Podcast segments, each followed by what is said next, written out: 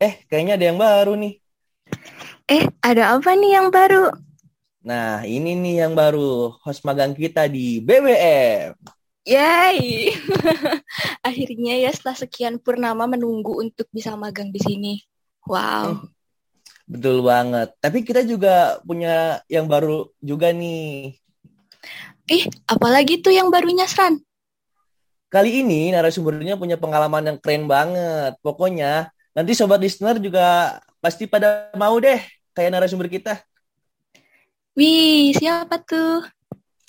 Nah, narasumber ini adalah seorang mahasiswa asal Indonesia yang sekarang lagi tinggal di negeri Sakura loh. Wih, kayaknya narasu- narasumber ini pasti keren banget deh ya. Apalagi narasumbernya ini tinggal di negara yang pengen banget aku datengin. Iya, bener banget. Eh, selain itu, dia juga kuliah di Jepang loh, di tepatnya di L Institute jurusan Ekonomi Internasional. Tapi sekarang udah lulus nih dan dia mm, kerja di Spindle Giken Co Ltd. Wih, keren banget ya, Sran, narasumber kita hari ini. Betul banget. Kalau gitu kita langsung panggil aja yuk narasumber kita, Kak Dipta. Yeay! Halo. yang belum Halo, Kak Dipta. suaranya. Konnichiwa, Kak Dipta. Halo. Hai. Kalau boleh tahu nih kesibukannya apa nih sekarang? Eh, sekarang lagi kerja aja sih. Kerja biasa sebagai officer di Spindle. Eh, maaf mau mau revisi sebentar bukan Gikeng ya, Gikeng. Gi- Eh gitu, maaf. Oh di G di apa? Gikeng gitu. Jadi Spindle Gikeng gitu. Oh, Bacanya. Spindle Gikeng. Iya. Ya. Wih, keren banget ya, Sran, kerjanya. Di Jepang Iya. lagi. Hmm, Keren nih. banget. Pasti Jadi sobat listener juga pasti bakal wih pengen banget ke Jepang Nah. gitu. Bener banget nih, bener. Siapa sih yang nggak mau ke Jepang? Ya nggak sih? Iya, soalnya kan Jepang tuh terkenal dengan teknologinya, kulturnya, kedisiplinannya. Uh, Betul banget nih. Nah, jadi nih Kak, aku mau nanya nih. Pasti sobat listener sama kita semua juga pada kepo nih sama Kakak. Gimana sih Kak caranya biar kita bisa kuliah dan dapat beasiswa di sana? Apalagi di jurusan yang menurut kebanyakan orang susah banget gitu, apalagi jurusan bisnis internasional nih. Eh, pertama-tama aku itu pas SMK ada suatu program yang kerjasama sama SMK aku. Program itu itu ngadain buat orang yang mau kuliah ke Jepang. Gitu. Aku daftarlah ke eh, program itu. Setelah daftar, aku wawancara di situ, kemudian akhirnya aku diseleksi lulus untuk bisa eh, berkesempatan kuliah di Jepang. Tapi karena aku belum ada persiapan apa-apa soal bahasa Jepang, setidaknya aku eh, sebelum ke Jepang ada persiapan yang bisa ngerti lah eh, bahasa Jepang yang huruf-hurufnya gitu antara hiragana, katakana. Kalau kanji masih susah ya karena itu belibet banget. Setidaknya bisa baca hiragana katakana. Nah, aku sebelum ke Jepang aku otodidak dulu sendiri belajar sama belajar perkenalan. Terus tahun 2016 bulan 10-an aku itu berangkatlah ke Jepang. Tapi bukan langsung kuliah yang di L Institute ini aku sekolah bahasa dulu satu setengah tahun di sana. Karena kan sebelum kita yang kuliah yang benar-benar ngambil jurusan itu harus ngerti dulu dong bahasanya.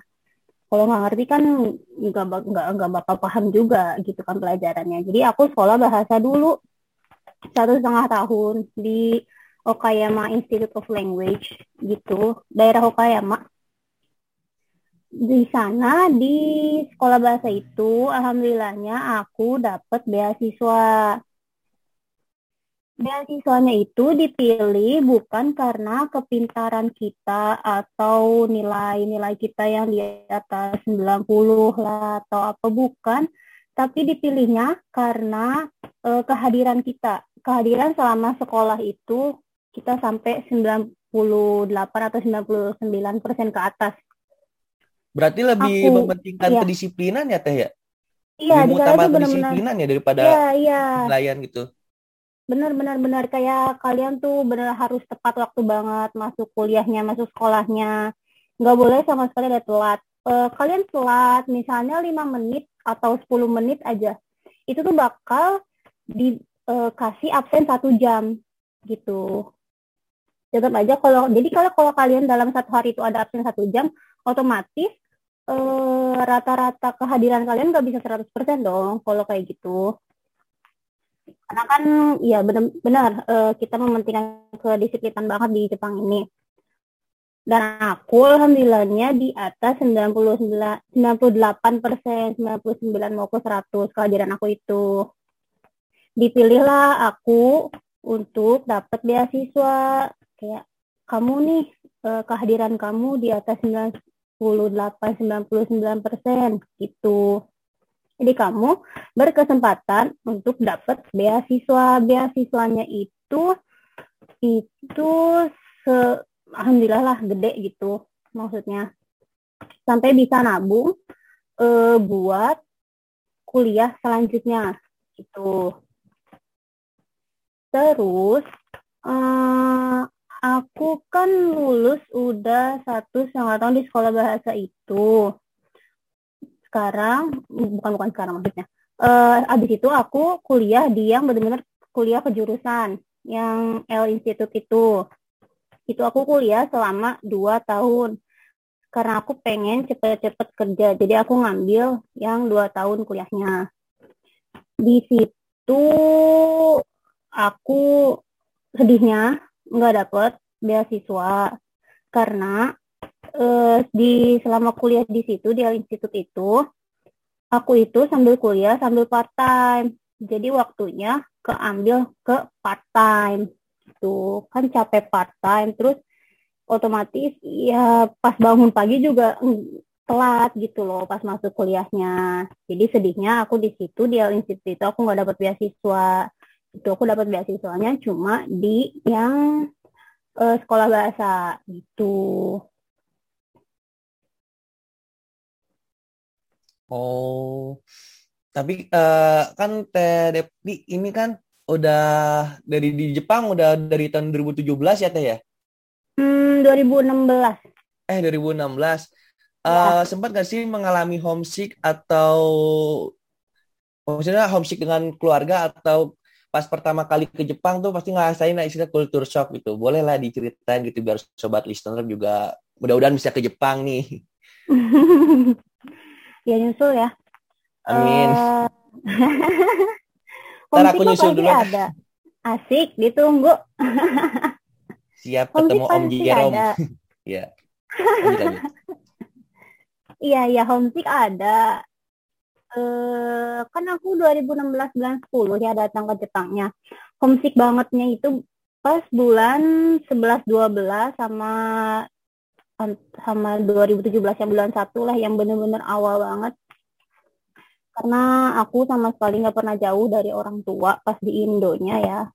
Ini sekali jauh dari orang tua sampai beda negara gitu kan di homesicknya yang masalah ini kalau pulang kuliah atau pulang sekolah gitu aku biasanya di rumah udah dimasakin sama mama gitu atau apa-apa gitu sama orang tua udah dimasakin terus ada waktu uh, ada ini keluarga time kayak yang nonton TV bareng atau apa gitu. Nah di Jepang itu kan aku sendirian.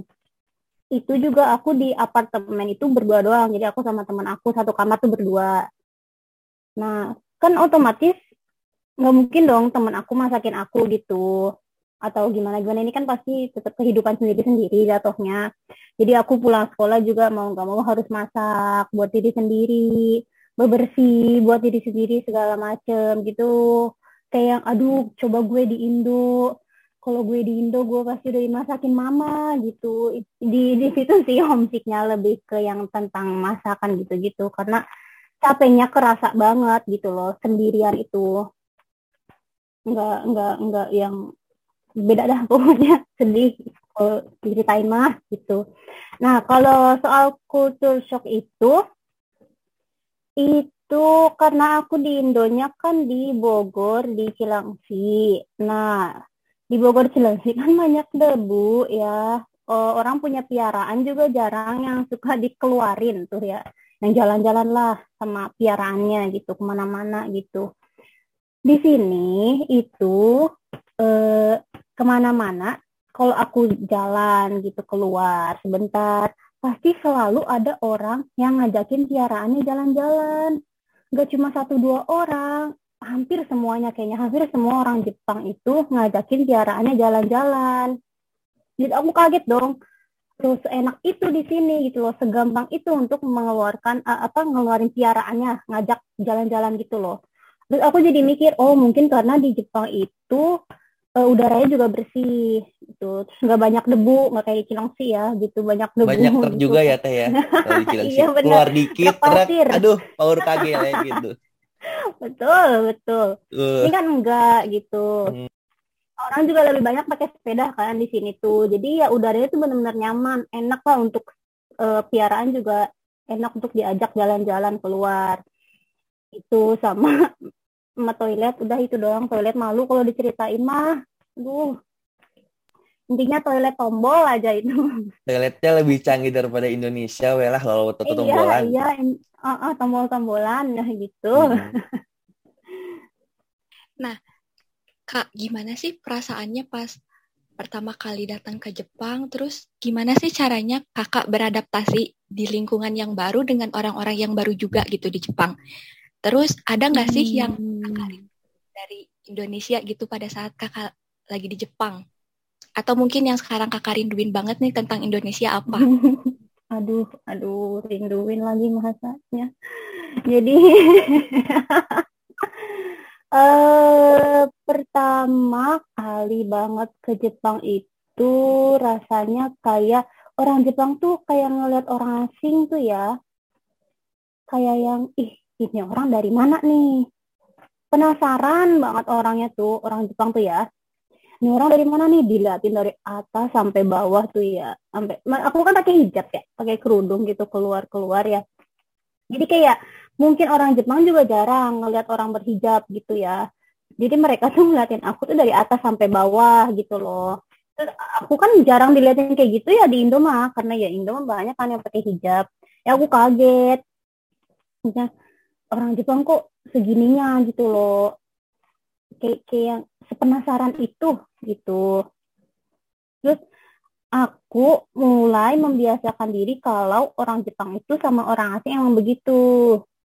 Mungkin emang rasa penasaran dia lebih besar gitu loh daripada kita-kita yang udah udah biasa lihat orang berhijab atau gimana. Mungkin karena orang Jepang ya nggak nggak nggak nggak ada yang berhijab ya bukan nggak ada sih maksudnya rata-rata nggak ini kebanyakan nggak berhijab karena agamanya juga kan nggak bukan agama Islam gitu ya atau gimana. Nah, terus eh, habis itu karena aku sudah membiasakan diri dengan si rasa kepenasaran orang Jepang itu, aku memberanikan diri untuk ngomong sama orang Jepang. Kayak misalnya kalau sama sensei mah udah biasa ya, karena ngomong sama sensei mah ngobrol biasa karena tentang pelajaran ini sama uh, kayak misalnya tetangga deh tetangga aku kan orang Jepang. Pas ketemu itu dia itu benar-benar ngeliatin aku dari atas sampai bawah. Aku nggak boleh yang sinis dong gitu. Aku harus yang ramah kayak misalnya nyapa gitu uh, sama siang gitu kenapa kenapa kenapa karena kita duluan yang nyapa, yang e, bersikap baik, dianya jadi ikut-ikutan bersikap baik ke kita. Ternyata enggak seburuk yang aku pikir gitu loh maksudnya. Kayak e, dia jadi lebih sering ngajak ngobrol aku kalau tiap ketemu. itu punya lebih membiasakan diri de, uh, dengan orang uh, dengan orang Jepang yang rasa penasarannya besar gitu loh. Jadi membiasakan diri dengan cara um, gimana ya ngajak ngajak ngobrol duluan gitu loh. Kita nggak boleh berpikiran negatif gitu loh. Setidaknya kita harus berpikir berpikiran positif untuk mencoba ngajak mereka ngobrol duluan gitu. Terus ngomongin yang dirinduin apa dari Indo, semuanya. uh, lebih ke makanan sih ya. Kalau keluarga mah pasti uh, makanan banget banget parah. Kayak mana ada nasi padang di sini gitu. Mana ada itu tukang bakso lewat tok tok tok tok di sini nggak ada gitu kan. Ya ampun. Uh, kalau malam-malam mah di Indo ya misalnya aduh lapar nih tengah malam tinggal ke depan beli nasi goreng gitu. Beli kue tiaw. Ada tukang bakso lewat. Ini kan enggak. Aduh tengah malam harus masak. Masaknya mie lagi mie lagi gitu. Kan nggak enak kayak gitu. Jadi lebih ke makanan sih yang dirinduin. Terutama nasi padang. Isi ya ampun. Itu tuh pengen banget makan nasi padang. Demi apa pun. Gak ada di sini mah gak ada. Sedih. Kak, pernah nggak sih kakak nemuin makanan Indonesia mungkin di Jepang atau enggak pernah coba bikin masakan khas Indonesia sendiri gitu di Jepang? Hmm, ada makanan Indonesia mah di sini. Ada ada restoran Indonesia di sini. Cuman harganya 10 kali lipat. Ya ampun. Bayang, aduh, bayangin aja ya. Eh, misalnya nih, uh, dia itu jual kangkung. Kangkung di Indo berapa sih? Ya ampun murah banget kan seikat dua ribu kali ya nggak tahu sih sekarang berapa maaf. Tapi maksudnya murah gitu loh. Di di sini itu eh, restoran Indo dia ngejual kangkung, cah kangkung gitu loh. Kamu bayangin aja harganya hampir seratus ribu. Coba kalau beli di Indo udah dapat, eh uh, setruk kali itu ya Allah enggak ya enggak bisa. Sampai tahun depan deh kayaknya itu makan kangkung. Iya makanya.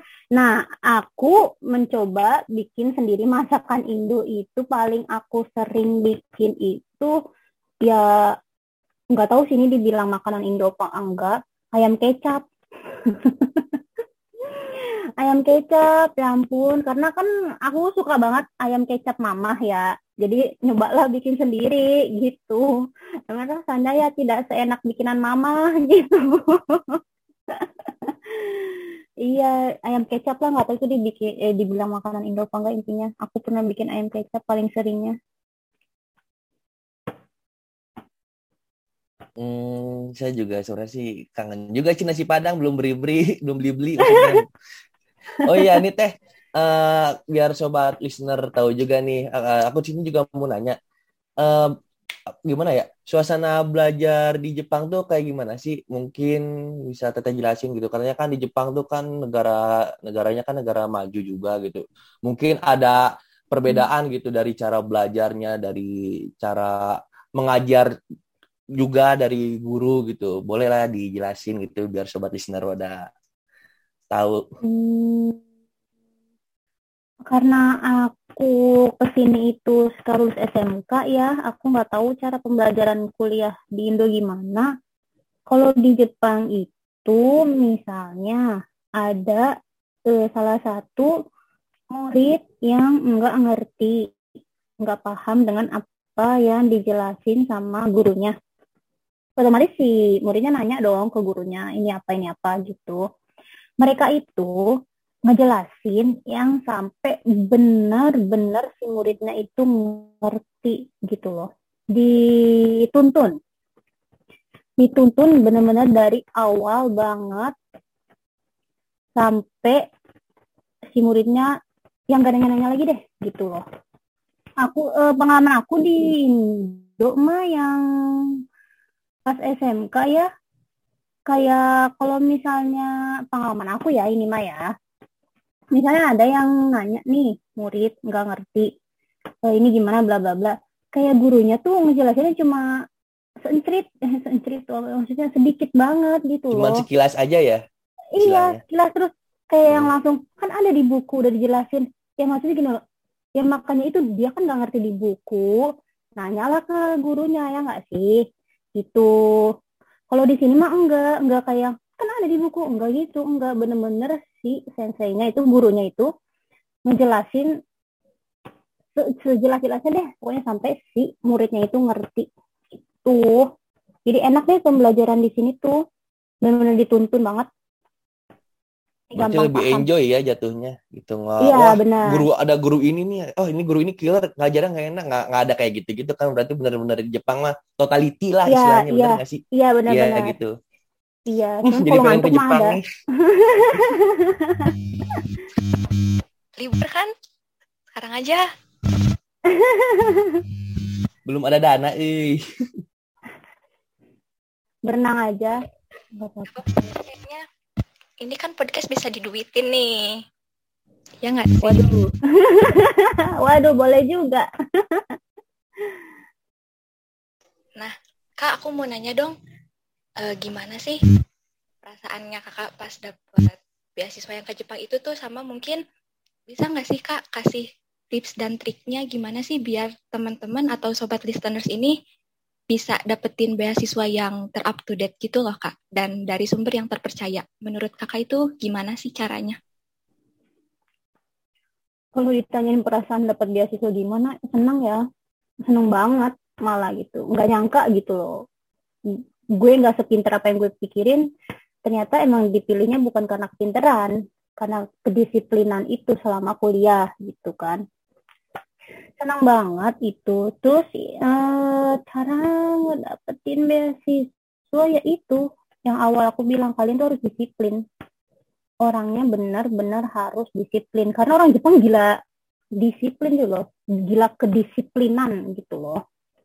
Benar-benar harus tepat waktu ini itu kalau kalian salah dikit salah dalam kedisiplinan ya eh, tanda kutip eh, kalian bakal susah dapat beasiswa gitu benar harus disiplin orangnya harus tepat waktu gitu sih menurut aku Jadi kayaknya di sana tuh lebih kedisiplinannya ya kak yang ditekankan Ya. gitu. Iya, iya. Mungkin kalau masalah nilai mah nomor dua kali ya. Yang penting lu disiplin gitu. Nilai mah kayaknya nomor dua. Kalau nilai kamu gede tapi kamunya sering absen, sama aja bohong gitu. Hmm, tapi kalau apa? Kalau di Jepang itu bener nggak sih? Kan orang tuh stigmanya tuh mikir, wih di Jepang kayaknya orang-orangnya ambis-ambis banget gitu. Bisa dibilang gitu nggak sih? Iya benar-benar benar. Ambis banget sih emang orangnya. Eh, Iya itu susah dijelasinnya. Mungkin kalau Benar-benar nggak. Hmm, nggak gini, eh, kayak misalkan nih Teteh baru pertama kali kerja nih di ini, terus Teteh lihat Hmm. orang Jepang tuh ambisnya tuh kayak gimana gitu. Apa misalkan ditegur nggak noleh atau gimana? Nah, bisa kita ceritain, eh bisa diceritain juga nih ke sobat listener. Ambis itu, hmm, gini deh, eh, ngambil contohnya gini aja deh. Eh, aku kan kerja udah satu tahun ya di sini. Karena aku lulus kan tahun 2020 bulan 3 otomatis, eh, aku udah setahun kerja. Nah, teman kerja aku itu gila banget kerja gitu loh. Seperti apa yang kita tahu sebelumnya orang Jepang tuh emang gila kerja kan ya. Dia itu kayak seharusnya dia teman kerja aku seharusnya pulang jam 3 nih, jam 3 sore. Emang di kontrak dia eh, diharuskan pulang jam 3 sore. Tapi karena kerjaan dia belum kelar, dia itu lemburnya sampai jam 5 gitu maksudnya padahal udah dibilangin sama bos aku itu udah nggak apa-apa besok aja lu kerjainnya besok aja ini udah jam segini nih gitu. Maksudnya sampai udah dibilangin sama bos aku kayak gitu dia tetap terus-terusan kerja sampai kerjaan gue pokoknya harus kelar hari ini gitu. Jadi kayak wow orang Jepang segininya ya bener-bener kayak yang gila kerja. Ih. Gitu pokoknya Oh, jadi emang istilahnya udah mendarah daging banget gitu ya, Ting, apa iya dari iya getol etos kerjanya gitu. benar-benar Oh iya, nih sebelum penutupan juga nih, eh apa sih gitu? eh, mungkin kakak punya apa istilahnya hmm, kata-kata motivasi gitu, biar mungkin biar bisa sobat listener bisa ke Jepang nih, apa sih motivasi kakak gitu yang bisa apa yang bisa mendapatkan kesempatan ke Jepang gitu. Boleh lah biar supaya sobat listener ini terinspirasi juga gitu. eh gimana ya motivasinya karena ini maaf maaf aja ya orang Indo kan kedisiplinannya masih kurang gitu ya Eh kalau emang kalian pengen banget ke Jepang eh, ubah dulu ke disiplinan kalian rasa tepat waktu kalian. Ubah dulu itu terus sama rajin belajar bahasa Jepang. Karena orang Jepang itu seneng banget kalau ada orang asing yang bisa bahasa dia yang bisa bahasa mereka. Oh gitu. kayak excited banget gitu kayak, wih iya. ternyata bahasa aku teh udah sampai mancanegara iya loh, iya. Gitu nggak sih? Iya iya Oh benar kurang benar lebih kayak gitu gitu ya teh. iya Hmm. makanya kalian yang itu harus disiplin intinya mah bener-bener yang pertama tuh disiplin sama kalian harus bener-bener ngerti itu bahasa Jepang biar si orang Jepangnya juga seneng ke kalian gitu Hmm, siap siap. Jadi gitu gengs, kalau misalkan nih yang pada mau ke Jepang nih, intinya eh, ubah dulu deh pola pola hidup kalian gitu dari cara tidur tidur apa bangun tidur kalian dari cara pola kerja kalian gitu. Soalnya ya percuma sih istilahnya sholat subuh masih bolong-bolong tapi ngarepin ke Jepang kan walau alam gitu. Iya. Betul. Teh isi kak. Udah Ya. nggak kera- udah nggak kerasa ya 30 menit udah berlalu nih. Nggak kerasa banget dah kita kayaknya ngobrol tuh kayak baru lima menit yang lalu nggak sih? iya iya kayak wah udah tiba-tiba 30 menit aja nih udah mau berakhir Aduh, terima kasih sekali eh, untuk Teh Dita ya yang udah menyempatkan waktunya gitu untuk mengisi podcast BBM kali ini. iya terima kasih banyak maaf juga kalau kepanjangan atau nggak nyambung atau gimana Iya Teh, ya nggak apa-apa Teh. Soalnya ini juga apa eh malah kalau kata aku sih malah menginspirasi banget gitu. Wih, ternyata ada yang bisa ke Jepang. Lo masih kita nggak bisa gitu. iya semangat ya yang mau ke Jepang Demikian pembahasan seputar How to Get Scholar Study in Japan. Terima kasih telah mendengarkan podcast PBM pada episode kali ini. Oh iya, untuk para listener BBM yang ingin kepoin lebih dalam lagi nih tentang BBM, kali ini bisa kepoin ke Instagramnya loh, yaitu BBM underscore EP. Sampai jumpa di episode selanjutnya BBM. We need, we learn, we can do anything. Sampai jumpa generasi muda harapan bangsa. Dadah!